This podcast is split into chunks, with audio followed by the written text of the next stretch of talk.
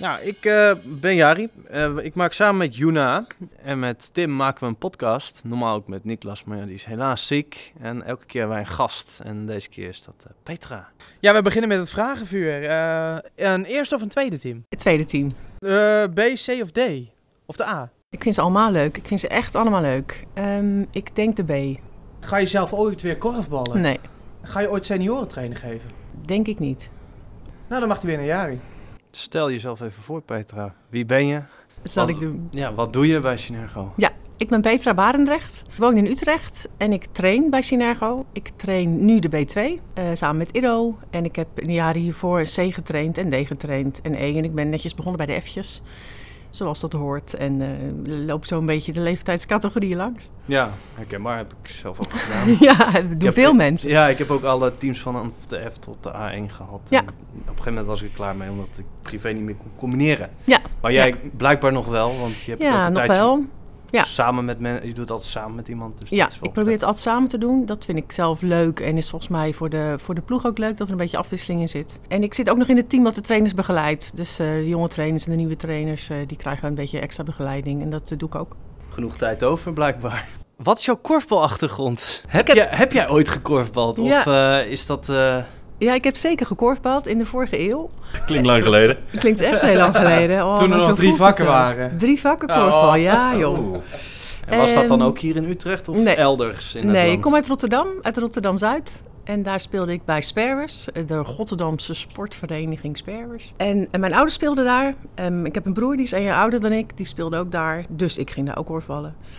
En ehm, dat vulde bij ons altijd de weekenden. Op de zaterdag speelden mijn broer en ik. En Hans is één jaar ouder dan ik. Dus het, het ene jaar zat ik bij hem in team. En dan ging hij weer door naar de volgende leeftijdscategorie. En dan zat ik met andere spelers. En dan het jaar daarna zat ik weer bij hem. En mijn ouders speelden op zondag. Het was een zondagvereniging. Dus wij waren en de hele zaterdag en de hele zondag eh zwierven wij op het korfbalveld. Hadden wij vroeger ook hier bij Synergo. Speelde Synergo, senioren speelden allemaal op zondag en Ja. de jeugd allemaal op zaterdag. Dus Ja. toen ik naar senioren ging, kon ik zondag spelen, zaterdag coachen. Ja, dat was En nu op is het allemaal eh, op één dag en dan is het, ja. ja. het is echt niet meer te doen. Nee, gaat niet meer. Hè? Mijn ouders Nee. hadden een winkel, dus die moesten zelf ook gewoon werken op zaterdag. Dus dat was op zich fijn dat ze op zondag konden korfballen. Maar die konden nooit eh, voor vervoer eh, zorgen natuurlijk. Nee, dat deden ze dan weer niet. Maar mijn vader was dan weer voorzitter van een vereniging, dus die deed weer ander vrijwilligerswerk. Dan oké. hoefde je dat Ja, ook niet te ja. doen. Hè? was een beetje de balans eh, zoeken. Ja, Ja, ja. Zou je dan weer terug willen naar de zondag? Ik zou dat eh, niet heel erg vinden. Het is alleen jammer dat je dan helemaal of in Rotterdam uitkomt of in de Achterhoek ergens. En dat is allemaal be- best wel ver weg als je dan... Zeker als je niet het eerste bent eh, en in een zevende speelt. Dan, oh, om dan- tien uur op om zondag. tien uur s ochtends in, in, in, Ja. in Duiven gaan spelen, dat is, dat is wel heftig. Auw. Nee, en het nadeel is natuurlijk ook wel dat je bent wel je hele weekend kwijt. En ik denk in de tijd, dat, dat- vroeger toen ik jong was, vroeger, eh, was dat toch een beetje anders, weet je. Er was, er was niet zoveel te doen nou, buiten werk en je familie als nu. Dus voor mijn ouders, die werkten gewoon de hele week. En de, de korfbal was de ontspanning en dat was prima als dat dan ook op de zondag was. Maar mensen hebben gewoon veel meer verschillende dingen, veel meer andere dingen te doen. Dus ja, dan wil je niet meer je hele weekend op zo'n vereniging zitten. Ik wel, maar niet Ja, iedereen wil dat. Ja, Ik wil, dat, ik wil dat ook en eigenlijk het liefst nog steeds. ja precies. Nou, voor Ja. mij hoeft de zondag echt niet eh, per se erbij hoor. Eén dag Nee. is meer dan genoeg. Oh, Ja, gewoon dat even snap niks. ik ook. Waarom ben je eigenlijk trainer geworden, Petra? Ja, ik was al trainer toen ik bij, eh bij Sperwers zat. Ik heb daar gekorfbald tot mijn achttiende. Toen ging ik eh, studeren hier in Utrecht. En Wat heb je toen gestuurd? Nederlands. Oké. Nederlandse taal en Oh. literatuur, ja. Oh. Dus let op, mannen. Oh. Oh, Ehm, daarom moeten we het ook netjes houden, hè? Als ja, we hun, moeten hè? het ook netjes houden. Hun, hun Eh, nee, dus toen kwam ik naar Utrecht en ik wilde ook graag hier wonen. Dus ik wilde, eh, ik wilde op kamers en eh, dan was het een beetje onhandig om iedere keer heen en weer te gaan. Dus daarom korfbal ik niet meer in Rotterdam. En ik heb ook toen ik 18 was mijn knie verdraaid. Die is helemaal uit elkaar. Ehm, daar ben ik ook aan geopereerd, maar dat gaat nooit meer goed worden. Dus ik heb toen ook een tijdje niks gedaan. Maar toen, toen kwam ik een man tegen en toen kreeg ik kinderen. Toen dacht ik, ja, die moeten natuurlijk op een sport. En in mijn geval was dat korfbal. Ehm, dus ik ben met Iris hier, eh, hier begonnen. Toen Iris, eh, ik geloof dat hij in de F'jes is begonnen of zo. Toen dacht ik, nou ja dan, ja, dan is het ook wel logisch. Ik vind het logisch dat je er ook iets doet. Was, Ehm, was het een vrije keus van de kinderen of een beetje druk? Nee, het van is jou wel een vrije keus. Maar weet je, je moet kinderen dingen aanbieden, hè, anders dan zien ze niet hoe het is. Zeker. Eh, Korfbal of niks.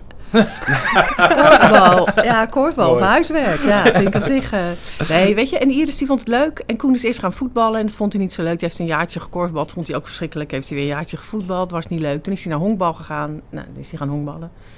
Dus ik geloof wel in dat kinderen moeten een beetje zoeken. En soms vind je iets een paar jaar leuk en daarna niet meer. Maar Iris vond het nog steeds leuk, vindt het nog steeds leuk. Dus eh, nou, en zo ben ik, ja, toen ben ik gevraagd, weet je. Je wordt dan aangesproken als je langs de kant staat van... joh, eh, wil jij niet iets doen voor deze vereniging? En dat wilde ik wel en toen ben ik trainer geworden. Ja. Je gaf net aan dat, eh, als ik het goed heb gehoord, dat je de B het leukst vindt om training te geven. ja, Waarom? Waarom de B? ik vind die leeftijd, de leeftijd is echt zo leuk. De B is echt zo leuk. Dan, dan worden ze een beetje kind af, worden ze een beetje mens. Ja, kun je hele leuke gesprekken met ze hebben. Kun je ze een beetje, een beetje plagen met dingen. Maar hebben ze ook wel voldoende, ja, moet ik nou zeggen, voldoende zelfcontrole om een beetje, nou, zelf dingen te regelen, te organiseren en zelf met ideeën te komen. Ja, ik vind de B echt een hele leuke leeftijd. Lukt dat dan ook gelijk al met eerstejaarsbees? Of is dat dan nog wat lastig? Nee, het is soms een beetje lastig. En daarom ben ik heel erg voor het systeem waarbij je ouderejaars, dus tweedejaars en eerstejaars bij elkaar zet in een team. Ik geloof helemaal niet in een team meenemen door al die groepen heen. Volgens mij moet je ze juist elke keer mengen, leren kinderen heel veel, heel veel van. En dan is, het, dan is het mooi en dan werkt het vaak wel. Ja. ja, soms ook niet. Soms word ik helemaal gek als ik training sta te geven. En ze staan alleen maar er doorheen te leuteren. Dat is ook, ja. Ja, ik ken het. Mijn laatste team wat ik heb training gegeven was de B2. En dat was een team wat eigenlijk de hele jeugd is doorgegroeid met z'n allen. En ik, ik kreeg ze toen op een gegeven moment. Ze waren eerstejaars B. En ik dacht, oké, ga maar regelen dat er een reisschema komt. En dat gingen die ouders toen regelen. En ik dacht, jongens, het is eigenlijk de bedoeling dat jullie het zelf op gaan Ja. pakken. ja, vind ik Dat ook. vonden ja. ze heel spannend en heel moeilijk. En die ouders die namen het allemaal over. Dus ik had, nou, Ja. als het maar geregeld is. Dan, eh, en ik het niet hoef te doen. Maar het is een beetje het schakelpunt, hè, vind ik, de B. In, wel, wel daarin, in, eh, nou, steeds meer dingen zelf doen en dat soort dingen ook zelf regelen. Teamuitje. Ik ga echt geen teamuitje regelen voor de B. Dat gebeurt dan niet, of dat is lastig of moeilijk. Of daar word je niet voor uitgenodigd. Dat kan ook nog, dat ze niet weet wat voor uitjes ze hebben. Oh, ik zou echt hele ruige uitjes met ze kunnen doen. Maar dat doen we niet. Nee, dat doen we niet. En wat is dan weer het verschil met de A? Dat weet ik, nou, dat weet ik niet. Het komt misschien ook omdat mijn dochter nu in de A zit. En dat wij hebben afgesproken dat wij dat niet meer gaan doen, eh, dat ik haar train. Nee, nee, nee, gewoon je Eh, gaf aan dat je de B het ja, leukst de B vindt. is omdat, maar wat is Ja. dan weer het verschil naar de A toe? Ja, ik denk dat de A net iets verder is. Dat net al wat zelfstandiger kan. En dan vind ik dat er minder te doen is voor mij of zo. Dat ik dat minder kan begeleiden. Of dat ik ze daar minder in, eh, in kan helpen of ondersteunen. Bij de A heb ik meer het gevoel dat ik, ja, dat ik minder invloed heb als trainer. Ja, je kan meer met het tactisch gedeelte gaan bezig gaan. Want technisch gaan ze op in de A niet heel veel meer bijleren. Het is meer dat ze een tactisch spelletje gaan aanleggen. Waar ze in de senioren ook weer baat bij gaan hebben uiteindelijk. Ja. Dat is hoe ik er naar kijk. Maar Ja. dat is per trainer verschillend natuurlijk. Nou ja, en dan merk je ook heel erg dat het bij het ene team kan dat heel goed. En bij het andere team is dat echt heel veel lastiger. En dan, dan vind ik het ook wel moeilijk om, de, ja, om elke keer te bedenken, goh, wat gaan we doen? Wat, eh, Wat vind je leuker, trainen geven of coachen? Ja, het zit, hier, het zit hier samen natuurlijk. Hè. Wat vind ik leuker? Ik vind, ik vind coachen leuker. Want? Ja, dan gebeurt het echt. Dan zit je in een wedstrijd, dan gebeurt het. En ik vind het mooi om, om juist in de wedstrijd die situaties eruit te pikken... die ik in de training moeilijk na kan bootsen. In, als je training geeft aan een team en de spelers kennen elkaar... dan gebeuren er veel minder onverwachte dingen. Je weet al wie je tegenneemt. Je weet ook precies wat jouw tegenstander... eh, wat- de goede en de slechte of de minder goede kanten daarvan zijn. En in de wedstrijd is het onverwachter. En gebeuren er soms dingen ja, waarvan je denkt... Huh, dat heb ik, heb ik nooit op mijn training. En dat vind ik leuk. Om daar dan, die er dan even uit te pakken en even door te praten van... Joh, wat gebeurt er? Of vooral de spelers zelf daarover na te laten denken wat er gebeurt. Ja, dat vind ik het onverwachter. Ja, er zit ook veel meer spanning in een wedstrijd. Dus dan snap ik ook dat met coaching dat dat een stuk meer is. Maar als ik je zo hoor, dan zou je niet of alleen coachen of alleen trainen. Maar je wil echt de combinatie. Ja, ik vind de combinatie eigenlijk wel mooi. Omdat je dan inderdaad dingen die je in de wedstrijd ziet... kun je in de training weer gebruiken en andersom. Ja, ik vond de wedstrijd altijd zelf heel lastig als trainer. Want ik zie mezelf meer als een trainer als een coach. Als ik als trainer kan je, zou ik maar zeggen, inbreken in de oefening. Als je iets ziet wat je niet wil dat er getraind wordt, dan pas je de oefening aan en dan maak je hem iets zwaarder of iets lichter als het te moeilijk of te makkelijk is. Tijdens Ja. de wedstrijd dan is het, ik kan niks meer. Ja, Ze moeten het. het zelf doen. Daar moeten moet ze het gaan doen en daar haal jij wel weer je oefenstof uit. Maar ja, ik vind het jammer als je niet meer kan inbreken. Dat, je kan niks meer doen. En dat zei ik ook altijd tegen mijn teams. Van ja, in de wedstrijd moet je het zelf maken. Ik kan het niet meer maken voor je. Daar kan ik op de training kan ik je mee helpen, handvaart aanreiken, alles. Daarna houdt het op. Maar jij gaf aan, een tweede team, dat, jij dat, dat daar jouw voorkeur naar uitging. Ja, vind ik, ja. En eh, is het dan ook belangrijk dat een tweede of een derde team zelfs, die Synergo ook rijk is natuurlijk, eh, ook een belangrijk, een goede trainer krijgt? Ja, zeker. Misschien nog wel meer dan het eerste team. Ja, herkenbaar. Ik heb ook altijd in tweede teams gezeten. En het is, kijk, je bent niet de beste. Maar het is fijn als er een trainer op staat die dan toch nog een beetje eh, nou ja, dingen Een kan groep aan- ervan probeert te maken. Een groep ervan probeert te maken, dingen probeert aan te leren. En als je gewoon, we zetten er niemand op en we kijken wel waar het schip strandt, ja, dan eh, gaat het snel mis. Nee, dat denk ik ook. En ik denk dat, dat in ieder geval alle kinderen zichzelf willen ontwikkelen. Ieder kind wil een beetje, of een beetje beter worden. Dat is niet eens de goede formulering. Kinderen willen dingen leren. En dat, dat heeft ook te maken met korfbal. En het is een hele sociale sport. Dus ze leren niet alleen de, de, de techniek en de tactiek van het korfbal. Maar ze leren ook hoe je dat samen doet en hoe dat in zo'n team werkt. Ja, daar kun je heel belangrijk in zijn als coach. Of helemaal niet, hè. Als je er helemaal niks mee hebt en je doet er helemaal niks mee. Je vertelt alleen maar hoe die bal in dat mandje moet. Dan eh, vind, ik, vind ik een beetje arm of zo voor de, voor de spelers, voor het team. Is het daarom Ehm, ook leuker om eh, het, een tweede of een derde team eh, te doen? Ja, vind ik wel. Meestal een eerste team is veel meer al ja, echt gericht op het spel. Ja. Ja, nou ik vind het tweede team ook leuk, omdat ik vind dat iedereen zich altijd bemoeit met eerste teams. Dat is bij iedere vereniging zo, dat is bij Synergo ook zo, dat was bij Sperwers ook zo, dat is bij het voetbal ook zo. Je wordt soms helemaal, ook als trainer, behoorlijk eh, eh, moe van. Dat mensen, iedereen vindt iets, vindt ook dat hij dat op alle momenten mag zeggen en... eh, nou, dat is niet helemaal mijn, mijn ding. Maar juist ook het feit dat je inderdaad andere dingen, andere dingen eh, moet doen om spelers op een andere manier er, erbij te houden eh, en te blijven betrekken. Ja, dat vind ik heel erg leuk. En daarom denk ik dat dat meer, dat sociale, zeg maar, dat past meer bij mij dan het, eh, het echte prestatie van de eerste teams. Ja. We hebben ook altijd mensen die we interviewen voordat we hier gaan opnemen. En dat, die, we hebben iemand wat laten inspreken. Nou, leuk.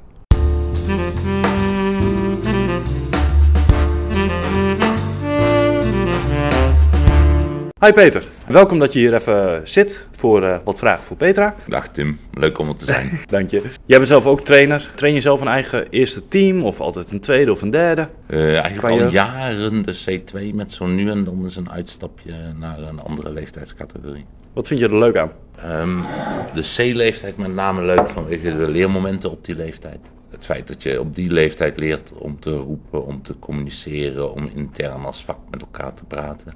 Oh ja. Dat maakt de C leuk. Eh, de 2 maakt het leuk dat ik eh, liever niet een lager team doe. Omdat je dan een soort van entertainer op het veld bent. En eh, vermaak moet bieden aan de mensen. En heel veel motivatie en heel veel agent spelen. En dat ligt mij niet. En een eerste team dan weer liever niet. Omdat mijn capaciteiten dan denk ik onvoldoende zijn. Zou ik meer moeten bijscholen bij de bond. Ah, zo. Dus 2 is prima. En eh, ga je ooit, ooit senioren eh, trainen geven? Denk je? Eh, heb ik ooit overwogen, omdat eh, mij dat gevraagd is door een, een seniorenteam drie jaar geleden. Oké. En dat lijkt me ontzettend leuk om te doen, maar ik ga het er zeker niet bij doen. Dus Nee. dat zou dan zijn in plaats van. Heb je het idee dat voor alle jeugd er een beetje hetzelfde getraind wordt? Dat ze dezelfde dingen leren? Of dat je het idee hebt van dat kan nog beter? Dat kan nooit helemaal. Gewoon weg door het kwaliteitsverloop in de jeugd. Ja. Want als je kijkt naar een, een D-leeftijd, het verschil tussen bijvoorbeeld een D1 en een D-laatst is zo groot. De beste van de C1 wonen niet in hetzelfde universum als de slechtste van de C4. Dat zijn, dat, daar zit motorisch alleen al en qua inzicht en qua sportiviteit en eh, eh, waarschijnlijk genetisch zoveel verschil tussen. Die kan je niet hetzelfde laten doen. Je kan ze allemaal laten zitten, maar eh, dat is één. Ja. Twee is, het is wel verbeterd bij Synergo, want er zit meer lijn in de jeugdtraining. Ah, dan toen ik hier voor het eerst rondliep. Komt ook door de trainersbegeleiding en door het feit dat meer mensen trainerscursussen hebben gedaan. Dus ook wel een beetje meer dezelfde structuur aanleren. Oké. Eh, en er ook naar elkaar gekeken wordt. En ook weliswaar nog steeds niet optimaal, maar beter gecommuniceerd wordt onderling. Dus het is wel aan het verbeteren. Maar het is denk ik zeker niet zo dat, eh, eh, dat alle kinderen hetzelfde leren. Afgezien dan van de premisse dat dat in beginsel al helemaal niet kan. Is Nou. dat denk ik ook niet. Nee, maar dat er wel eenzelfde soort lijn in zit van je progressie is vergelijkbaar. En natuurlijk tussen een C1 en een C-laatst, dat kan je niet hetzelfde leren. Maar ik weet ook niet of je progressie vergelijkbaar is. Want je Nee? pakt iets veel sneller op. Zelfs al doe je een oefening, zeg maar, voor spelers van verschillende kwaliteit, die dus gediversifieerd is met een moeilijke en een makkelijke taak, dan is het nog vaak zo dat de, de betere spelers gewoon het concept eerder doorhebben. En al veel eerder met die oefening bezig zijn. En gemotiveerd. Dan de wat mindere spelers. Die dus eigenlijk een makkelijkere taak hebben. Maar dat toch langzamer oppakken. En dan ook nog eens een keer minder gemotiveerd zijn. Dus meer kletsen over andere zaken enzovoort. Nou ja. Dus je kan dat ook niet bieden. Dat is gewoon een nadeel. Wat dat betreft, een vereniging die dubbel zo groot zou zijn, zou dat beter kunnen. Omdat het kwaliteitsverschil binnen de teams dan kleiner wordt. waarschijnlijk wel, ja. Ik vind dat Synergo er zo nu en dan naar streeft, maar het lijkt een beetje op horten en stoten. Eh, Er zijn af en toe initiatieven en dat vervaagt dan weer een beetje. Maar ik denk dat een gemeenschappelijke training op leeftijdsniveau zo nu en dan met een thema heel goed zou zijn. Oké. Maar dat vereist zoveel regelwerk van tevoren dat dat eigenlijk nooit fatsoenlijk van de grond is gekomen, ondanks verschillende initiatieven in het verleden. Daar waar het wel van de grond is gekomen, praktisch, was het eigenlijk meer zoiets van een avondje vrij voor de eigen trainers. Ah. En een soort van wedstrijdjestraining of parcourstraining of zo voor die leeftijdsgroep, waar ze niet zoveel aan hebben. Achteraf gezien niet, nee. Heb je ook nog een vraag voor Petra? Aangezien we toch in de podcast zitten. Ja, Dus, nou, eh, ik vind het de afgelopen jaren heel knap hoe zij dan, zeg maar, ondanks gezondheidsproblemen dit volhoudt en eh, zo goed volhoudt. Daar allereerst een compliment voor. De vraag is eigenlijk, eh, kan ik daar nog eens met haar over babbelen? Want eh, ik merk zelf dat ik ook wegens chronische rugklachten en dergelijke vaker tegen een fysieke barrière aanloop. Hmm. Dan interesseert het mij wel heel erg hoe zij daarmee omgaat en eh, hoe ze daar zo goed doorheen komt.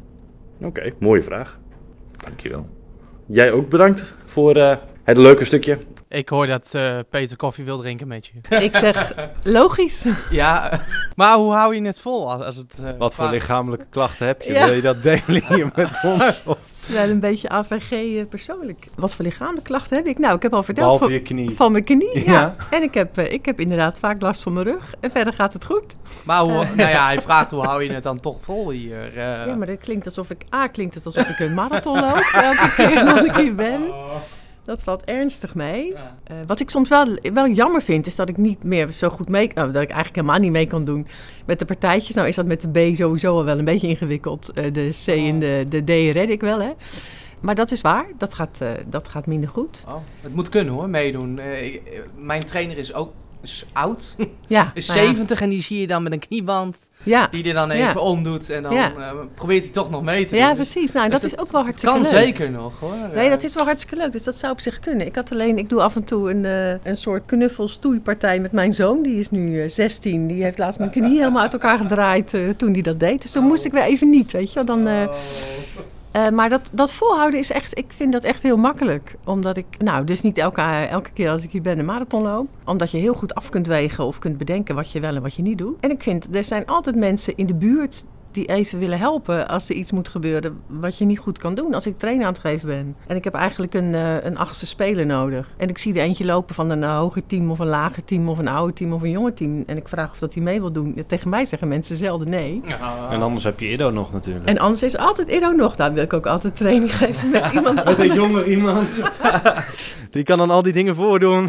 Ja, want dat is natuurlijk wel wat we proberen. Hè? We proberen kort iets uit te leggen, dan, dan even voor te doen, zodat de kids het, snel, het, nou, het ook snel zelf kunnen gaan doen. Hè? Want al dat eindeloze geleuten wat ik nu dus doe, dat doe ik bij, bij de training niet. Je kan het ook Ehm, de kinderen zelf laten voordoen. Ja, dat kan ook. Ja. ja, en heel vaak kan dat. Want heel vaak is er een deel van de kids die het al heel, heel prima snapt. Ja, zie je ja. al een lampje gaan branden. Denk je, ah mooi, jij mag het Ja. voor gaan doen. nou dat herken ik wel aan wat Peter zegt. Hè. Als je een oefening uitlegt, dan heb je gewoon nou, dan heb je een aantal kinderen bij wie je gewoon ziet dat ze het inderdaad snappen. Nou, die kunnen het dan heel prima voordoen. En voor de rest is het dan soms, eh, nou, die moet soms even kijken en soms nog een keer. En eh, ja, die komen dan wat later, maar dat werkt eigenlijk wel goed. Maar ik, hou, ik, ik vind het helemaal, het is helemaal geen moeite om het vol te houden. Nee, Hij gaf, Peter gaf ook aan dat hij liever geen derde team wil trainen, omdat je te veel dan als entertainment op ja, het veld ik, maakt me niet uit. Nee, dat maakt leuk. voor jou niet uit. Nee, ik heb eigenlijk al een paar jaar dat ik tegen de vereniging zeg... joh, als je nou, nou kijk waar je mensen nodig hebt en zet me daarin. Ik heb vorig jaar de C3 gedaan samen met Matthijs. Nee, het maakt mij echt niet zoveel uit. eh. Misschien weet jij wat Peter bedoelt. Hij heeft het over mooie initiatieven van Synergo. ja, Voor de kids, ja. Voor de kids, ja. eh, Ja, jij zat wel te juichen bij trainersbegeleidingsgroep. Dan zat jij gewoon met je handen in de lucht. Ja, het is niet gehoord, want de microfoons staan uit. Maar wij zagen het wel. Is dat een van de initiatieven waar Peter op doelt dan? Ja, dat denk ik wel. Proberen, we, we proberen om een wat duidelijker lijn te krijgen in de, in de trainingen die de kinderen krijgen en in de volgorde waarin we ze eh, dingen aan willen leren. En dat staat soms een beetje haaks op het feit dat we ook zeggen: ja, maar ieder kind heeft zijn eigen leercurve. En de ene leert dit sneller en de ander leert dat sneller. Dus dat is altijd een beetje jong leren met, met wat dan kan en wat past en wat in een team past. Maar het is wel fijn als je als trainer een, begint in september met een groepje wat een beetje dezelfde soort dingen kan.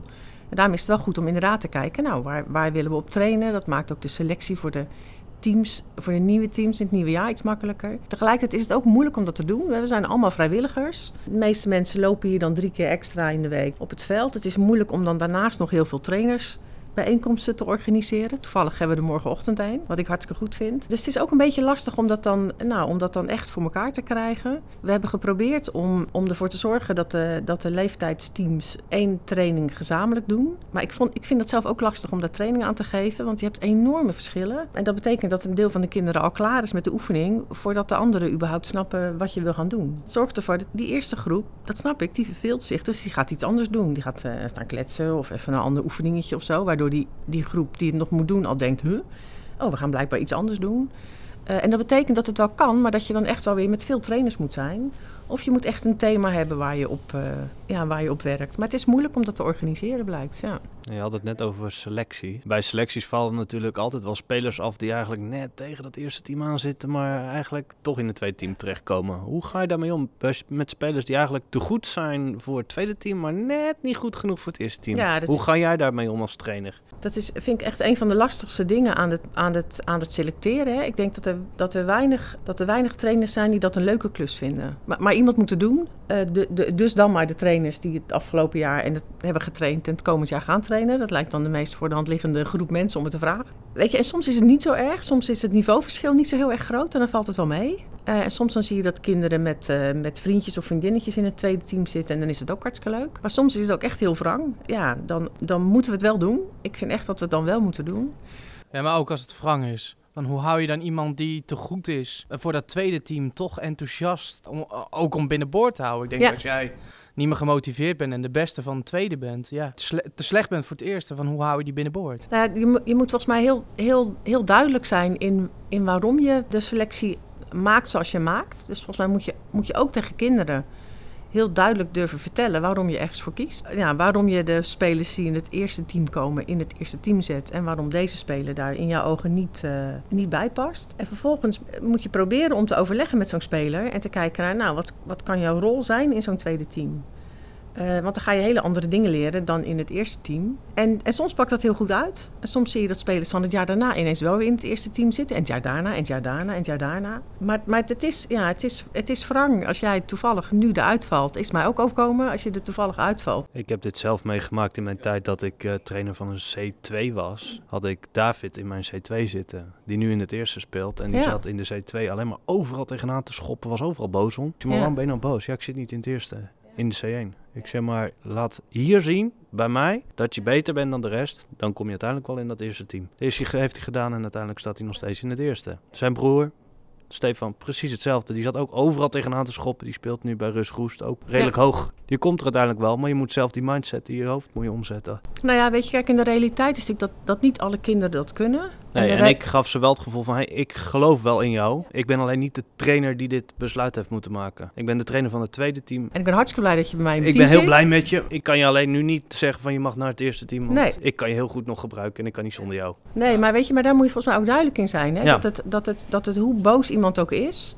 En we hebben natuurlijk ook ouders die daar verschrikkelijk over tekeer kunnen gaan. Maar dat, dat kan nooit een reden zijn om, dan, om dat beleid aan te passen. Daar geloof ik echt heilig in. Dat, dat, dat, dat kan niet. Je moet, je moet praten met mensen, je moet proberen uit te leggen wat er speelt en wat er aan de hand is en hoe of wat en waarom. Maar op een gegeven moment ja, is het wel zoals het is.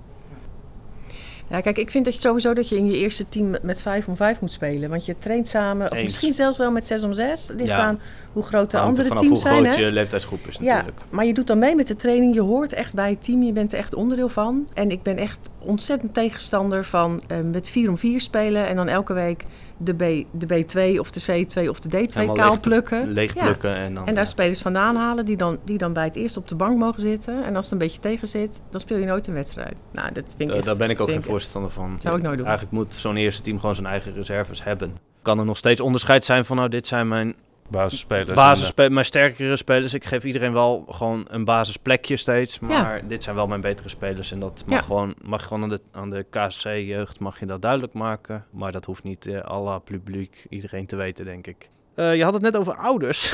ik vond het wel leuk. Je maakte zelf het bruggetje. Dat deed je heel goed. Ouders die, die het beste voor hun kind willen. En eigenlijk als hun kind niet in het eerste team komt, dan vinden ze vaak niet dat het het beste is. Dus Ja. als jou dat gebeurt, jij, zit, jij bent trainer van dat tweede team. En die ouders dat voor je. Joh, waarom zit mijn kind bij jou? En niet daar. Hoe ga jij daarmee om? Ja, wat doe je dan? Hè? Wat zeg je dan? Ik zeg, nou, om te beginnen is het hartstikke leuk voor je kind dat het bij mij zit. Oh, ik zou bijna zeggen, je wil een applaus voor je. Nee, weet je, het is, het is lastig, hè? Want er komt natuurlijk alle, allerlei emotie bij kijken. En ik weet nooit zo goed uh, of mensen boos zijn omdat hun kind niet in het eerste zit. Of omdat mensen boos zijn omdat hun kind niet, kind niet meer bij al die kinderen zit waar het vorig jaar bij zat. Want dat speelt soms ook wel mee. Wat ik, wat ik, uh, wat ik lastig vind, is dat ik vind dat, dat, of dat ik zie dat ouders eigenlijk allerlei obstakels weg proberen te nemen voor hun kinderen. Dus je mag als kind blijkbaar geen teleurstelling meer te verwerken krijgen. Curlingouders, precies. Ja, en dan heb je ook nog de helikopterouders die alles van bovenaf Ja. gaan zitten bekijken. Ja, ja. ik ben En geen voorstander wel een- van ook. Ik ben ook geen voorstander van curlingouders. En ik denk dat kinderen, dat kinderen van allerlei situaties iets leren. Ook van minder leuke situaties. En dat is misschien ook waar als je dus nou ja, dan in het tweede zit in plaats van in het eerste. Maar, maar ik geloof ook wel echt als je kijkt naar korfbal en korfbalvermogen. Ik geloof ook echt dat je andere dingen leert. Als je bij de beste spelers in een team hoort, dan wanneer je bij de minst goede spelers hoort. Want je leert hoe het werkt om het voortouw te nemen. Je leert hoe het werkt om een vak te laten draaien. Om iets te organiseren of te regelen in het veld. Dat leer je nooit als je altijd de beste bent. Sorry, dat leer je nooit als je altijd de slechtste bent. Want dan doet iemand anders dat in het vak. Dus ik geloof echt dat, dat, dat ook de beste zijn in een... eh, ja, in een ploeg of in een vak of in een, eh, dat je dat heel veel oplevert. Ja. Dat denk ik ook. En ik denk dat doordat je bijvoorbeeld de ene keer wel in het eerste team zit en de andere keer weer niet, leer je ook gewoon hoe het verenigingsleven eruit hoort te zien binnen een grote korfbalvereniging zoals wij eigenlijk zijn. En dan leer je ook wat veel meer ken- mensen kennen dan alleen maar het vaste groepje waar je altijd onderdeel van be- bent geweest.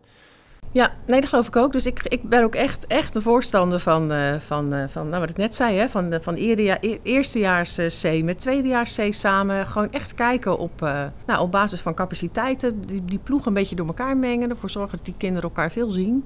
Dan zijn die gezamenlijke trainingen ook makkelijker, want ze kennen elkaar. Ze helpen elkaar een beetje.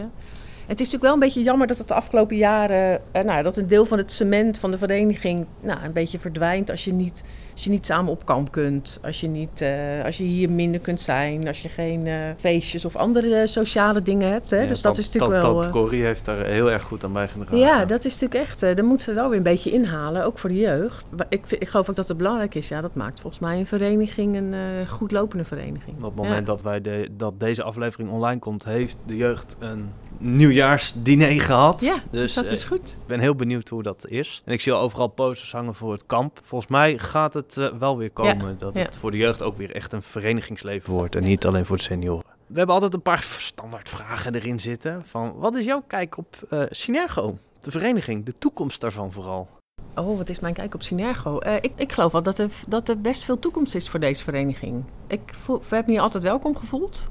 En er is ruimte om zelf dingen in te brengen, om zelf dingen voor te stellen. Moet je het wel zelf doen, hè? maar dat hoort ook bij een eh, vereniging met, met veel vrijwilligerswerk. Dus ik geloof er wel in, ja. Ik geloof er wel in dat deze vereniging eh, nou, blijft bestaan en ook een, een leuke vereniging blijft. Ja, best, nou, voor korfballers, nou, ook best wel een flink grote vereniging, ja. Als je nog één ding zou mogen veranderen binnen Synergo, wat zal het zijn? Dat is de moeilijkste vraag die we altijd standaard voorbereiden. Alles mag, hè? Alles mag. Ik, ik zou, eh, ik zou graag willen dat een grote deel van de spelers uit de selectie en het derde iets doet met de jeugd. Ja, dit eh, hebben wij zelf ook al een paar keer gezegd. Ja, Alles mag, hè? Alles mag. ja, dat is zeker. ja je, je bent voorbeeld, hè? Dus Ja, Zeg je dat als trainer of als trainer of als begeleider? moeder, als moeder. Of als moeder, inderdaad. Nou, misschien wel een beetje als allebei. Ik denk dat het goed is voor de, voor de spelers, omdat ze daar weer andere dingen van leren dan van mij. Hè. Ik heb heel lang geleden gekorfbald en wel trainingsopleiding gedaan, maar toch. Maar ik denk ook dat het voor de, voor de vereniging goed is. Juist voor, voor het cement van de vereniging. Omdat ik denk dat het uh, geweldig is als je hier loopt als, als speler en uh, hier komt iemand van het eerste van het tweede tegen die jou kent en die even hallo zegt, even vraagt hoe de wedstrijd was. En dat zorgt er volgens mij ook voor dat die jeugdspelers weer veel meer gaan zitten kijken, dat ze er zijn. Uh. Zo werkt het wel als jij komt kijken of je gezicht laat zien. Dan, ik zat ooit bij Offo en de mensen uit de selectie die wisten wie ik was. En andersom schuif je ook sneller aan om ergens gaan kijken. Mag niet, hè? Ja, Jonas een opvalkaart. Tim, wil je ook even Emmeloord erin gooien? Natuurlijk, nou vroeger, toen ik jong was. Ja, als jeugdspeler weet oh, als iemand van het eerste niet kwam bij mij kijken... Ja. Dan komen jeugdspelers ook bij jou kijken. Weet je? En, een, en, en een aantal mensen doet dat, hè, of heeft heel veel gedaan de afgelopen jaren. Dus ik, uh, ik scheer zeker niet iedereen over één kam. Maar ik denk wel nou ja, ik denk dat dat, en ik vind eigenlijk dat we dat, dat, dat gewoon zou moeten. Hoe meer, hoe ehm, beter. En hetzelfde geldt, geldt ook wel een beetje, vind ik, voor de A. En geldt zelfs ook al wel begint te gelden bij de B. Ik vind het heel goed dat we de A wedstrijdjes laten fluiten. Dat die ook op een andere manier ja, betrokken worden bij, uh, uh, bij de wedstrijden van de veel, veel jongere jeugd. En ik vind het ook goed dat er daar uh, nou ja, best wel wat jeugdleden zijn die ook willen trainen, die trainen willen geven aan onze jongere jeugd. Ja, ben ik echt voor. Maar de selectie, nou. Oké, we krijgen nu weer boze berichten van een... Uh, Robin die stuurt weer een boos appje daar, daarop. Nou, nee, nee. Ja, nee, nee, laat hem maar naar mij sturen. Laat maar naar mij sturen. Okay. Maar zo weten we inderdaad, Niklas die is inderdaad ook wel trainer. Helaas zit hij er vandaag niet bij, maar daar hebben we inderdaad wel van hem gehoord. Dat hij heel blij is met begeleiding ook, maar dat het nog steeds niet makkelijk is ook met ouders, met kinderen. Vooral Synergo-ouders die hun kind ook nog gaat korfballen, die vindt hij heel erg moeilijk in de omgang, had hij ons verteld. Die weten heel goed wat korfbal is en die, weten dan, die denken ook het beste te weten voor hun kind. En ik... Hoe nou ja, ga je daar dan mee om? Ja, hoe ga je daarmee om? Hè? Want het zijn natuurlijk ook, dat zijn ik, ik, ik geloof in het goede van de mens. Dus, ook, dus het, zijn, het zijn goed bedoelende ouders hè, die, graag, die graag een bijdrage willen leveren. Alleen ik, ik vind wel bij Synergo dat iedereen overal iets van vindt. Uh, en dat, Net de Tweede Kamer. Ja, ja en dat, dat mag ook wel. Maar je moet wel een beetje nadenken wat er gebeurt op het moment dat jij iets zegt of iets doet of iets uh, ik heb zelf een keer een eindeloze discussie gehad met een vader... die, die vanaf het eerste fluitsignaal van de scheidsrechter begon te vertellen... dat die scheidsrechter helemaal niks van kon. um, en je moet je realiseren dat je dat uitdraagt op de kinderen. En datzelfde geldt dus als jouw kind niet in de selectie voor het eerste zit... maar voor het tweede. Dan kun je heel hard roepen waar je kind bij staat... dat het niet klopt, dat het onrechtvaardig is... dat er worden allerlei grote woorden gebruikt. Alleen ik denk dan, ja, ik weet niet wat je aan het doen bent... maar jouw kind staat hiernaast. Onze ouders deden dat nooit. Mijn ouders deden dat ook nooit. Nee. Mijn ouders Zou, deden dat mijn ouders zeiden op een gegeven moment, toen ik in de B kwam, zei ze... als je het niet eens bent met de teamindeling, ga zelf je verhaal halen. Gaan wij niet doen voor je. En ik ben het pas gaan doen vanaf de senioren ben ik pas verhaal gaan halen als ik het niet eens was met een teamindeling. Daarvoor had ik zoiets van, het is gewoon de selectieprocedure geweest. Ik ben gewoon afgevallen, jammer. Maar weet je, dat zijn volgens mij ook wel die, die veranderende tijden. Ik ben ook opgevoed door de hele korfbalvereniging. Iedereen mocht mij ook mijn flikken geven als ik iets deed wat niet mocht. En terecht, volgens mij. Want ja, als kinderen dingen doen waarvan iedereen snapt dat dat niet mag, dan mag je er volgens mij iets van zeggen. Zo, andere tijden hoor. Uh, ja. Nou, dat is, dat is echt anders. En dat maakt het lastig. En ik denk dat het, dat het goed is om daar een keer dan, op het moment dat dat gebeurt, ja, over te praten met die ouders. En ouders dus even een spiegeltje voor te houden. Van joh, dit is wat je nu aan het doen bent. Je maakt mijn werk onmogelijk. Want ik probeer hier met overwicht die kinderen iets te leren. En op het moment dat jij mij afvalt, ja, dan werkt dat dus niet meer. Die kinderen gaan niet meer naar mij luisteren.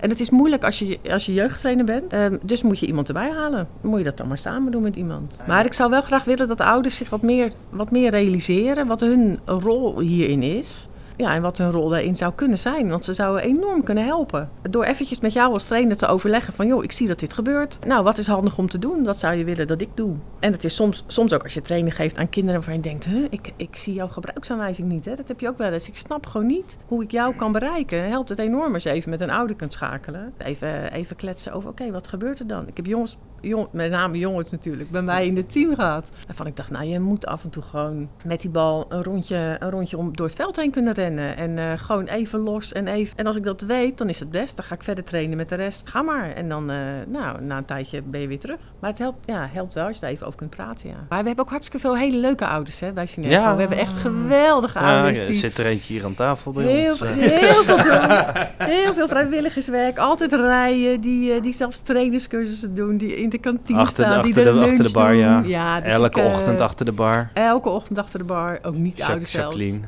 Ja, dus Ja. wat dat betreft eh, hebben we het ook nog niet zo slecht. Negatief is altijd wat makkelijker om uit te lichten. Ja, maar bij mij is het glas altijd half vol. Hè? Ik stamp het desnoods Je, bent- je bent net. Anne de Roos. Nou, dan gaan we naar Tim's een eh, special. De socials. Daar zijn we inderdaad weer. Hi Tim. Hallo. Nou, gezien het een beetje vakantieperiode is, eh, is er vrij weinig eh, gebeurd op de website en de Facebook. En, eh, Nou, de website is in onderhoud geweest. Waar je zelf van bij hebt gedragen. ja, klopt. Ging dat een is, beetje soepel? ja, ik was een half uurtje aan het werk. Wat, Oh. is er, wat, wat er veranderd? Servertechnisch is die eh, overgezet naar een ander platform. En alles weer up-to-date gebracht. Maar ik als gebruiker... eh, Ik, eh, merk daar vrij weinig van, behalve dat hij wat sneller zou moeten zijn. ah, Inhoudelijk was het inderdaad het kerstdiner wat eh, eraan zit te komen op het moment van opnemen. Op het moment van uitbrengen, dan is die al lang geweest. En we hebben dit jaar andere prijzen voor eh, de kantine. Eh, Voor met bier. name bier. bier en frituur. En bier en frituur. Dus we hebben een gezo- gezondheidstaks. Eh Synergo Be Like, het Instagram-kanaal, heeft hier ook op gereageerd met een, aan, met een mooie slideshow. Met eh, van dat het geld dus meer naar de kantinecommissie gaat. En, eh, of naar het bestuur. of naar het bestuur, of nog een keer naar het bestuur. Het wordt gedeeld met het bestuur. ja, en de Synergo-leden mogen dragen. het is eh, de satire van de vereniging. Dus. Eh Synergo eh, 1 heeft geen punten gehaald vlak voor de kerstvakantie. Ah, staan ze geen meer. Ja. Nou, dan moeten ze toch maar harder strijden. ja, want we zijn van de gezelligheid, maar we zijn ook van de prestatie. Het Ja. eerste moet wel gewoon winnen. Eh, en we hebben natuurlijk Niklas een haren actie voor nieuwe ballen voor elk team twee ballen. De tussenstand. Eh, momenteel zitten we op 470 euro. Oh nee. Olé. Heel goed. Dat houdt in hoeveel ballen? 9. Heel goed, Jona, dankjewel. Heel scherp. Dat betekent dat eh, alle jeugd... Nee, niet eens. Nee. 4,5 team zijn voorzien. Vier- 4,5 team is vo- voorzien. In ieder geval de B2. Er moet ergens een begin worden Ik gemaakt. hoor dat er hier een bijdrage wordt geleverd vanaf de B2. Mag hoor. We zoeken inderdaad nog steeds mensen die, eh, die hierin bij willen dragen. Het zou heel fijn zijn, gewoon zodat elk team een eigen bal voor de eigen trainingen en uitwedstrijden mee kan nemen. Want hoe vaak eh, gebeurt het bij jou als, eh, als trainer dat je bij een vereniging komt en er ligt eigenlijk geen bal klaar of geen fatsoenlijke bal? Nee, ik ga er altijd een halen en ik krijg altijd een fatsoenlijke bal. Behalve bij Dalto. Bij Synergo was het ook zo, hè? Dat er Ja. geen fatsoenlijke bal lag. Nee, dan gaat Corveni gaat inschieten met de geel-oranje en wij moeten dan inschieten met de blauw-geel. Ik Denk, hè, dat is een heel andere bal. Dan ga je uiteindelijk met geel, met oranje-wit gaan spelen. En dan denk ik, dat zijn twee verschillende ballen. Dat is niet eerlijk.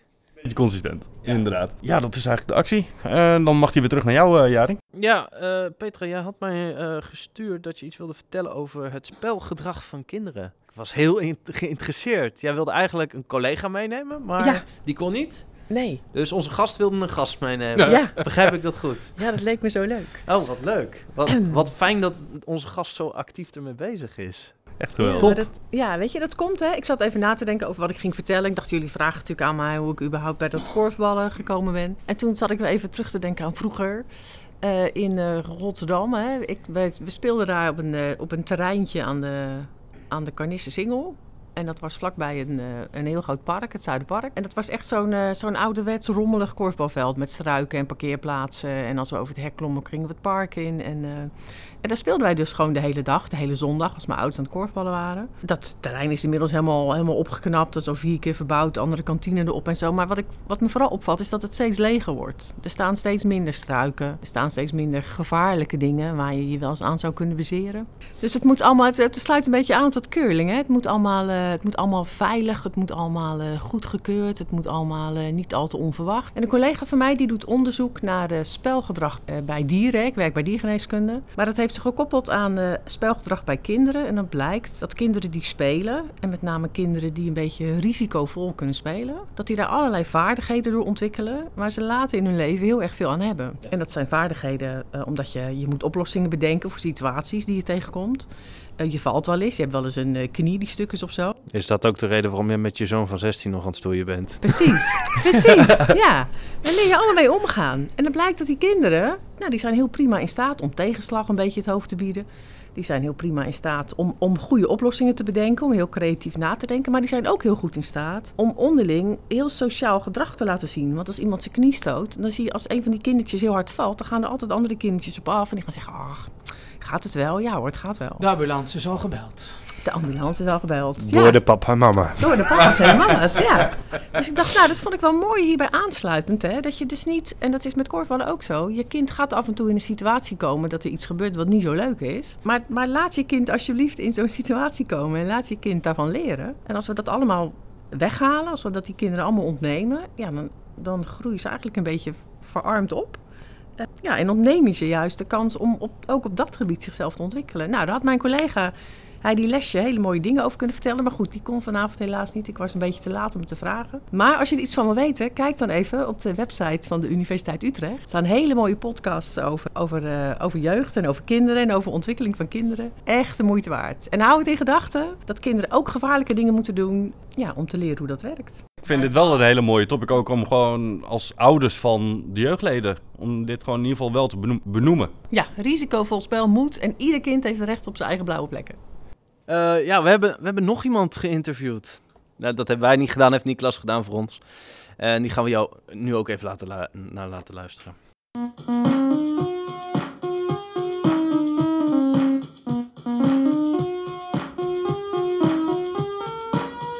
Hoi Iris. Hallo. Ah, wat leuk dat je mee wil doen met de podcast. Uh, ja, uh, Petra is natuurlijk de gast uh, in, de, in de aankomende podcast, jouw moeder. En ik ga er wat vragen over stellen, zowel over training geven, hoe het is om de dochter van een trainer te zijn en zelf, zelf ook training te geven.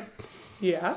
Um, dochter dus, van Petra. Ja, nice. ja, nee, ja, weet je. Dus ik ga maar gewoon de eerste vragen uh, stellen. Jij traint nu natuurlijk zelf de C1 en je hebt zelf daarvoor al veel meer andere teams getraind. Neem jij uh, dingen mee die je geleerd hebt van Petra? Ja, sowieso al. Want toen ik, toen ik eerst ging helpen, zeg maar, met coachen voordat ik officieel echt een team trainde, deed ik dat al met mijn moeder. En dat was, ik denk dat ik elf was of tien of zo, misschien wel toen we de eetjes deden. Dus ik was twee jaar ouder dan die kinderen. Maar dan ging ik af en toe gewoon een oefening doen bij de eetjes en dan ging ik mee. Dus ik heb daar zeker wel veel in geleerd. En mijn moeder en ik hebben voor het eerst samen echt een team getraind toen we de D3 deden. Dat is al vijf jaar geleden bijna. Toen hebben we zeker in de eerste paar trainingen en wedstrijd echt wel gehad dat zij zei van nou, dit is meestal hoe ik het doe, laten we dit proberen. En dan kreeg je er af en toe feedback op. Ik heb zo'n beetje de hele basis wel van mama. En ook omdat zij denk ik wel iets heeft van nature waarin ze uitstraalt dat ze wel autoriteit heeft, maar dat ze ook heel vriendelijk is en een soort vriendin van al die kinderen wordt. En dat heb ik ook wel een beetje overgeërfd, denk ik. Dus er zit wel veel, veel in, in dat opzicht. Ja, en vond je het moeilijk toen je daarna zelf training moest gaan geven? Omdat je dan het in je eentje moest doen? Of ja, je deed het wel samen, maar niet meer met je moeder? Nee, ik vond het eigenlijk heel leuk om het een keer met iemand anders te doen. Ik heb nou ja, één of twee jaar dan mee, mee geholpen met mijn moeder. En twee jaar echt samen met haar een team gecoacht. En toen ging ik de D1 doen met Lisa. En ik vond het gewoon heel leuk om het met iemand te doen die wat meer mijn eigen leeftijd was. Toen ik zelf nog in de E3 zat. Toen speelden we nog in twee vakken. En toen had ik zelf Jurien en Sjoukje als coach. Toen dacht ik, oh, het is echt zo leuk als je twee mensen hebt die zelf wat jonger zijn. Ze zaten toen zelf in de A. Dus ik vond het heel leuk om die rol een keer in te nemen. En ik wist die, van die twee jaar daarvoor wel dat ik gewoon ja, er goed in ben. Of dat ook geleerd heb. Dus ik vond het niet, niet heel eng of zo. Maar ik wist wel dat, omdat we natuurlijk wel zeven dagen per week samen op de bank zitten s'avonds, wist ik wel dat als ik een keertje ergens mee zat, ik het ook wel aan kon vragen. En is het niet moeilijk dan als je als jonge coach uh, uh, ja, een beetje eruit moet springen? Je moet ook opkijken tegen ouders die vaak toch wel meer het gevoel hebben dat ze wat groter, sterker zijn, omdat ze volwassen zijn. En als jonge coach kan dat moeilijk zijn. Uh, nee, ik laat niet zo over me heen lopen. Maar ik ben natuurlijk nu 17 en ik ben begonnen met coachen toen ik 13 was ik kan me geen ouder bedenken die toen niet zei: Ik kan echt niet geloven dat jij pas 13 bent. Ik was ook toen twee jaar ouder dan die kinderen in de D. Maar dat, was, dat kwam zo van nature. En toen ik dat in de D1 ging doen met Lisa, toen had ik daar in die twee jaar al zoveel ervaring in opgedaan. Op een gegeven moment ken je die ouders ook gewoon een beetje. Dan leer je wel van die trucjes. Dus ik heb me daar nooit echt zorgen om gemaakt. Maar ik heb me ook nooit dan de 15 of 16-jarige gevoeld. En had je niet het gevoel dat je wat minder gewaardeerd werd als je een tweede team coacht dan als je een eerste team coacht, zoals je nu doet? Nou, ik snap wel waarom mensen dat soms hebben. Wat bij mij altijd mee heeft gespeeld is dat ehm, toen ik coachte, heeft het eerste team eigenlijk nooit wedstrijdkorfbal gespeeld. Want toen ik vorig jaar de, ja, toen ik vorig jaar de C2 coachte wel en toen ik de D3 coachte ook. Maar toen ik de D2 en de D1 coachte, speelde de 1 geen wedstrijdkorfbal. Dus dat maakt wel een groot verschil voor ouders maakt het niet zoveel uit. Want als je gewoon leuk bent en leuk met kinderen bent en gewoon weet wat je aan het doen bent en die kinderen je ook leuk vinden, dan maakt het voor die ouders geen donder uit. Het heeft wel te maken met hoezeer de club je kent, hoe vaak je naam dan een keertje toevallig voorbij komt. Maar qua aanzien denk ik dat het reuze meevalt. Ik geloof echt wel dat we bij Synergo veel meer kijken naar wat je kan dan waar je dat doet. Dus je voelt je wel gewaardeerd door de club. Ja, zeker. Zeker wel. Eh, zou je ooit in een seniorenteam willen coachen? En als welk team dat dan zou zijn als je het zou willen? Ehm, dat vind ik lastig, omdat ik nu... Ik ga de senioren bij Synergo niet meemaken, want ik verhuis na de zomer naar Nijmegen. Wat ik echt leuk vind aan de jeugd is dat het nou, kinderen zijn. Daar kan ik gewoon wel goed mee opschieten. En het leuke aan het korfballen is dat ze ook allemaal willen korfballen. Maar senioren lijkt me nu wel, daar zou ik eerst wel nog wat levenservaring voor moeten opdoen. En wat moeten ouder moeten worden en wat voor moeten groeien, zeg maar. Niet qua lengte, maar als persoon. Maar dan is dat misschien leuk als ik zelf niet meer korfbal. denk ik wil er nog wel echt mee bezig zijn. Dat ik me daar dan verder in ga opleiden. Maar dat Ja. is zo ver weg. Dat komt later allemaal nog Ja, wel. daar ben ik niet zo mee bezig of zo, ja. En nu, ik zou heel graag in Nijmegen willen korfballen na de zomer. En ook dan denk ik, nou, ik ga eerst maar even een jaartje aanzien... voordat ik kijk of ik daar überhaupt iets met jeugd ga doen. Ga- Ik weet niet eens of bij Novio of bij een, bij een Ja, eh, studentenkorfbal. En we hebben natuurlijk best wel een beetje rivaliteit met Novio, dus Ja, dat is lastig. Ja. Ehm, nou ja, dat was hem eigenlijk weer. Heb je nog een vraag voor Petra? Of, eh, of denk ja, heb ik een vraag aan mama. of gewoon iets wat je wil zeggen, iets liefs, iets leuks? eh, Ik denk vooral, ik ben zoveel nieuwsgierig hoe ze het zelf vindt om, om het dan... Nou, ze doet natuurlijk veel met trainers begeleiden en jonge trainers, maar ze is ook wel eens met Matthijs coach geweest en nu met Ido. Dus ik vraag me wel af of zij echt een verschil eh, merkt of vindt in het met een jonger iemand of met iemand van haar eigen leeftijd coachen. Matthijs is ook tien jaar jonger, maar toch. Ehm, en ehm, ja, verder zou ik vooral zeggen, maar dat is meer voor jou nu. Vraag lekker naar toen zij heeft gekorfbald. Want ze korfbalde ook al een hele leven in Rotterdam. En dat vindt ze hartstikke leuk om te vertellen. Yes. Oké, hartstikke bedankt. Dit was niet de stem van Niklaas hoor. Dit Nee. klonk als Nikla Ja. alsof Niklaas de baard in de keer had, maar dat is helemaal niet het geval. Nee. Nee. Normaal Hij- praat Niklas namelijk heel snel En fanatiek. Ehm, en relatief hoog voor... Ja. Maar dit was gewoon... dat was, hè. dat was die Sinterklaas wat ingehuurd. maar eh, wat vond je ervan? Nou, ik vind het wel leuk om. eh, ik vind sowieso dat ik een leuk kind heb, twee leuke kinderen heb. Nee, weet je wat ik leuk vind? Is dat, ze, is dat, ze, is dat Iris ook enthousiast is voor korfbal. Maar dat ze ook heel erg snapt dat je iets in de vereniging moet eh, brengen. En niet alleen maar iets moet halen. En dat, ze- ik vind dat ze dat heel goed doet. En dat, eh, nou, dat, dat eh, vind ik leuk. Dat spreekt me wel aan. De, de vraag die ze stelt, hè, of dat ik veel verschil zie. Of dat ik met een jonge trainer eh, met- samen iets doe. Of met een, met een, eh, met een eh, iemand Iets die... wat eh, ouder. Iemand, eh, iets wat ri- rijper iemand.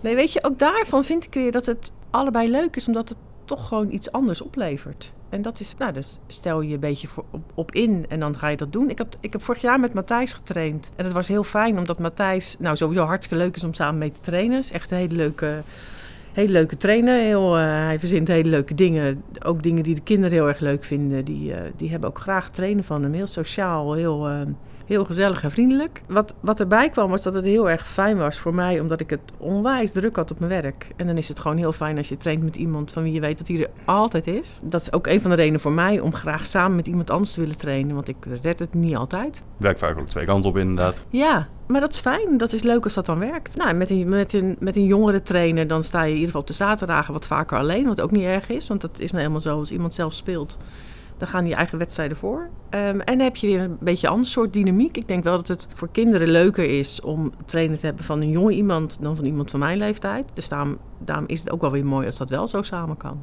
Ja. Dat zei je dus inderdaad ook al dat ze eigenlijk heel enthousiast werd van vrij jeugdige eh, trainers. Ja. Nou, hoe was het dan om met je dochter samen trainen te geven? Ja, dat, was ook wel, dat is ook wel leuk. Ja, dat was ook wel leuk. Ik heb ook, ik heb ook het team getraind waar Iris in zat. Dat was minder, omdat ik misschien wel meer op haar let dan op andere spelers. Of ik kan minder van haar hebben. Dus ik word eerder zagrijnig als Iris eh, loopt te kloten dan wanneer andere kinderen dat doen.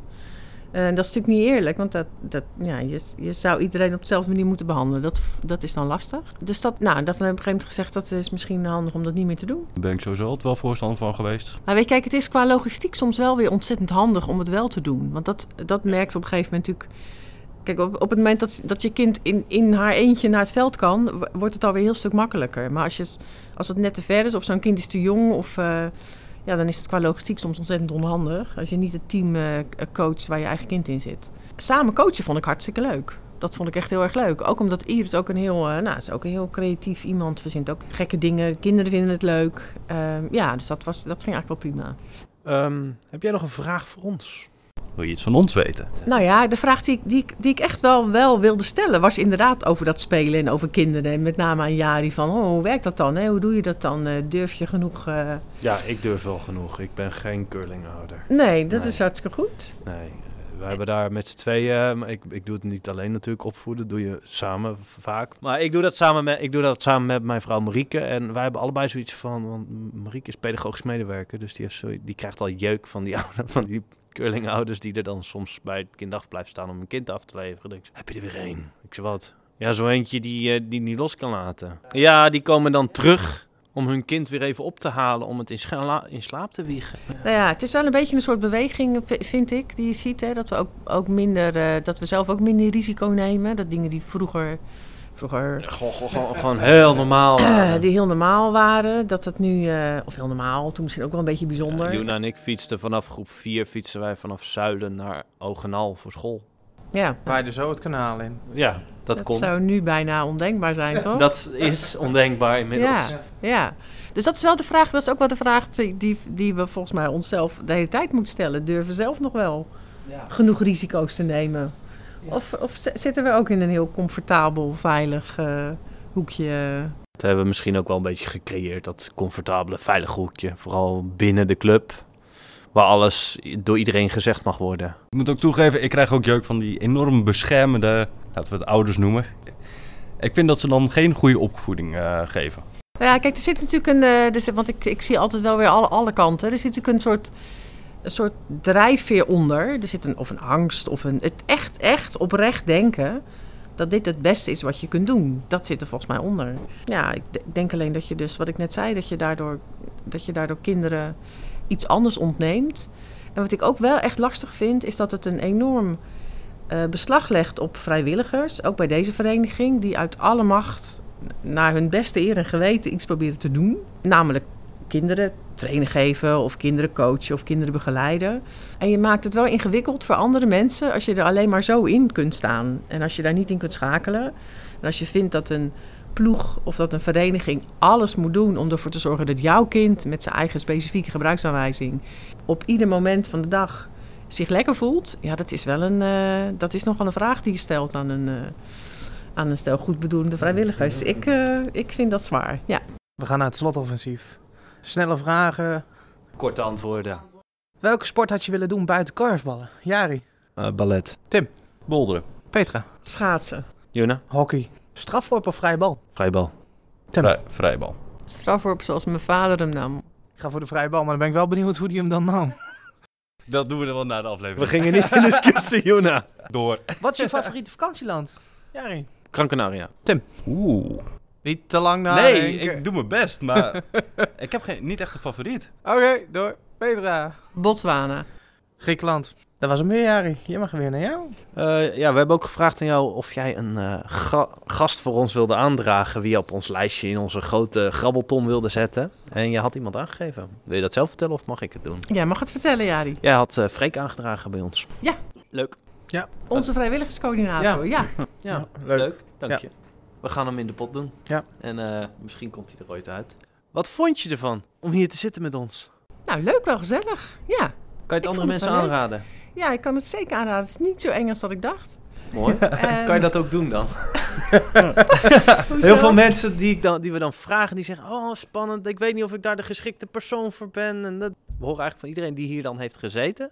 die dan zegt, Het valt zo mee. valt mee, was eigenlijk wel leuk. Ja, moet ik eerst even de reacties afwachten op wat ik nu allemaal heb gezegd. Nee, ik vind het echt leuk en ik vind het hartstikke leuk dat jullie dit doen. Ja. Dankjewel. Eerste keer dat je in een, een podcast zit, gezien je collega. Nee, ik heb op mijn werk wel, wel af en toe in een podcast gezeten. En wat, wat wel gebeurt is dat er dan een, eh, zo'n, zo'n workshop wordt afgerond met een soort van podcast. Dat we even kort opnemen wat er is gebeurd. Ja, het is leuker dan zo'n verslag op papier. Ja, Ga je luisteren? Naar Ja. deze aflevering. ja natuurlijk. Heb je de andere ook al geluisterd? Ja. Woehoe. Nou, we hebben ook een Synergo Top Zoveel. Een, een muzieklijstje. Ja. de Ja. favoriete nummers van iedereen. Favoriete nummers van iedereen. Iedereen die meedoet aan de podcast Ja. heeft een nummertje aangedragen. En je hebt er ook twee aangedragen. Jij Ja, zei dat was het wel ik- lastig was Ja, na de top ik- 2000. Snap ik. Snap Ja, ik. daar ben ik echt heel verontwaardigd over. Dat kan helemaal niet. Twee nummers. Heb je net de top 2000 achter de rug? Ik vind Ja, wij- als wij alles- 35 doen, wij zitten inmiddels op aflevering... Oeh, Pas, pas. pa- pas, Pas. Weet, weet ik even niet meer. Maar als wij 35 nummers van iedereen doen, dan moeten wij gaan selecteren welk nummer vaker voor. Ja, maar ik weet... Kijk, alles van Bruce Springsteen moet erin, sowieso. nou, die heb ik niet op mijn lijstje Staat niet op de kaart. Nee, nee, nee. Staat niet op de kaart. Ik heb, Bijzonder. ik heb twee dingen aangegeven op de kaart. Het ene is een nummer van de dijk. En dat heet Ik kan het niet alleen. Nee, die heb ik gekozen omdat ik vind dat, dat, dat je helemaal niks alleen kunt. Maar dat is ook niet erg, want je hoeft ook niks alleen te doen. Zeker niet in een vereniging als die van ons. Je kunt juist dingen samen doen. Dat maakt het, eh, het zes keer zo leuk eh, en ook makkelijker. Dus ik kan het niet alleen, vind ik echt een geweldig nummer. En het andere is natuurlijk een beetje, een beetje, wel een beetje oude lullen nummer. Maar ook wel weer heel mooi. What a Wonderful World. Want het is een, eh, het is een geweldige wereld volgens mij waar we in leven. Wij toch in ieder geval, in West-Europa. Ehm, en het is ook goed om daar af en toe even bij dat halfvolle glas... moet je af en toe even bij stilstaan, ja. Eh, Petra, dankjewel. Dank voor je, voor je meewerking aan deze podcast. Ehm, deze podcast is gemaakt door Tim, Juna en mijzelf. En eigenlijk Niklas ook een beetje. Die heeft ook wel wat voorbereiding gedaan, maar helaas is hij er vandaag niet bij. Beterschap. Nou, Jari, bedankt voor het hosten. Graag gedaan. Tim, bedankt voor op de knopjes drukken. Geen enkel probleem. Tot de volgende keer maar weer.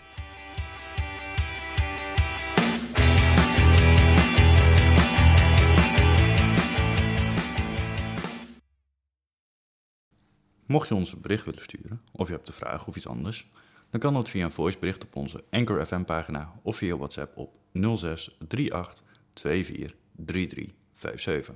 Ik herhaal 06 38 24 33 57. Tot de volgende Synergo Insight.